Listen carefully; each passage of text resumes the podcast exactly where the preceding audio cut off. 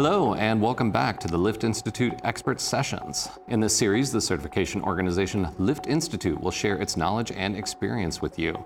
Today, we'll be talking about Brexit and the consequences it has for the elevator industry. Our guest today is Willem Kastelein. He's product manager at Lift Institute and an expert on Brexit. Welcome. Thanks, Ken.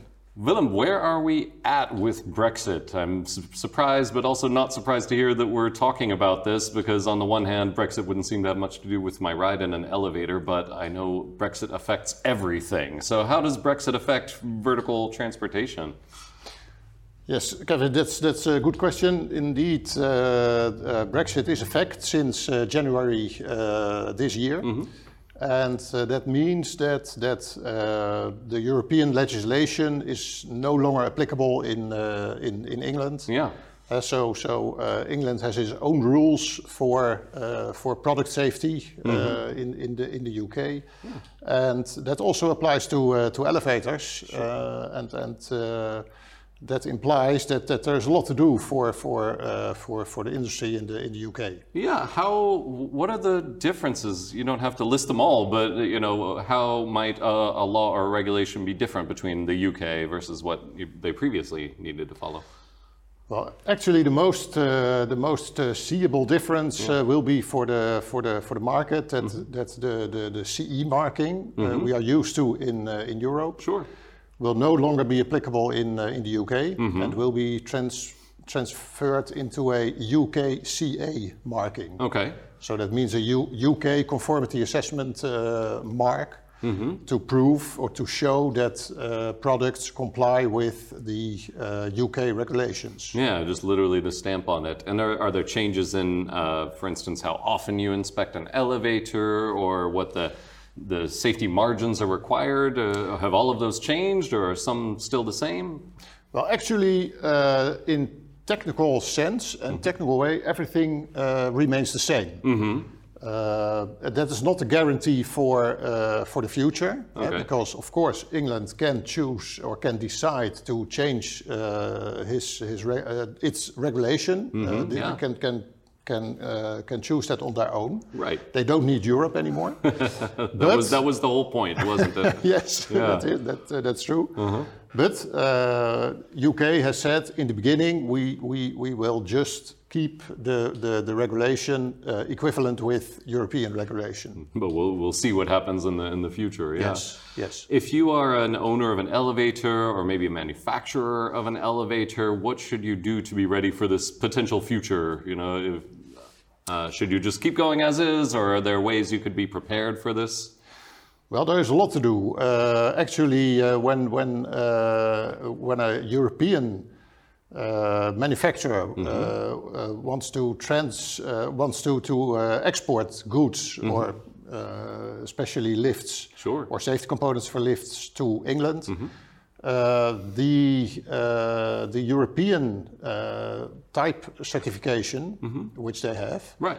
will no longer be accepted in, in the UK, and yeah. they're, they're, so so that needs adaptation to the UK regulation, right. by getting new certificates based on UK regulation. Yeah, and how is Lift Institute involved in this uh, this certification problem? Yes, this actually, uh, let's say one or two years ago, we, we had the idea that uh, Brexit would not affect us so much. Mm-hmm. But uh, coming to the uh, final date uh, in, in, in, January, uh, lots of manufacturers were asking us, yeah. Lift Institute, can you issue a UK certificate for us? Mm, yeah. Um, based on the European certificate that we already have. Sure. And uh, well, that was of course a challenge because you need uh, a specific uh, license in the UK uh, to, to be licensed to issue UK uh, ah, certificates. Yeah. So for that we have uh, we have contracted a partner in in the UK. Mm-hmm. our partner is LiftCert. And they have all the accreditations and licenses in place uh, at the moment to be able to issue certificates for the UK market mm-hmm. based, mm-hmm. based on our original uh, European certificates. Wow. So that's, that's very, uh, very um, good opportunity for for uh, our certificate holders. Yeah. Uh, because they don't need to go to uh, to go into a completely new certification process, but it can be transposed into a UK certificate on just an administrative basis. Well, you called that an opportunity. That's a good example of referring to a problem as an opportunity. Yes. Um, uh, it sounds like Lift Institute has done a good job to make it as seamless as possible uh, when Yes. the whole point of Brexit was to create a seam. Uh, Yeah. So, yeah, Yeah. I understand there's a lot of logistical uh, challenges there. And when it comes to certification specialists whose job, you know, it is to, to complete the certifications, uh, how is their role affected? Uh, can they continue to do their job as before? Well, actually, um, when we look at the UK markets, of course, uh, that's why, where we are talking about at the moment. Uh, it will just be a uh, administrative process to, to transfer certificates, uh, original certificates into UK uh, CA certificates. Yeah. So that will uh, mostly be a uh, process where not uh, where not a technician uh, needs to be involved. Yeah. So it's it's purely a administrative uh, um, a tra- a- a transposition. Okay. And uh, how many certifications are we talking about here that need to be processed Well- in this way? That's that's actually we we at the moment we don't know.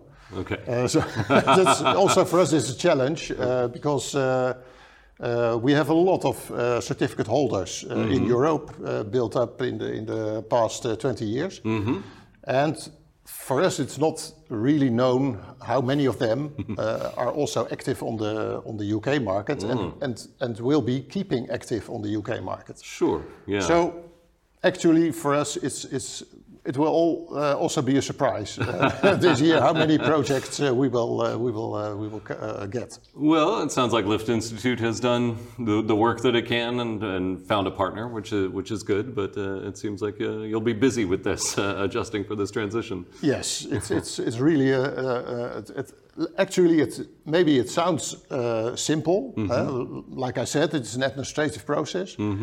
But what we have seen, uh, the, the, the, whole way to come to the point where we are now, uh, to make it really possible for the clients to, uh, to, to uh, reissue certificates, that has been a tremendous job. Yeah. Because you also have to deal with, uh, with authorities, you have to deal with accreditation bodies, Right. and uh, that has been, a, has been quite a job. yeah, it's a, a job of work, uh, Yes, as, as yes. I would say. Well, it sounds like you have a lot of work to get done, so I will let you get back to it. Uh, but you still have some time until the end of 2022. Willem, thank you for being with us today. And thank you for listening. If you'd like to hear another edition of Lift Institute Expert Sessions, then follow us wherever you get your podcasts. Thanks for listening.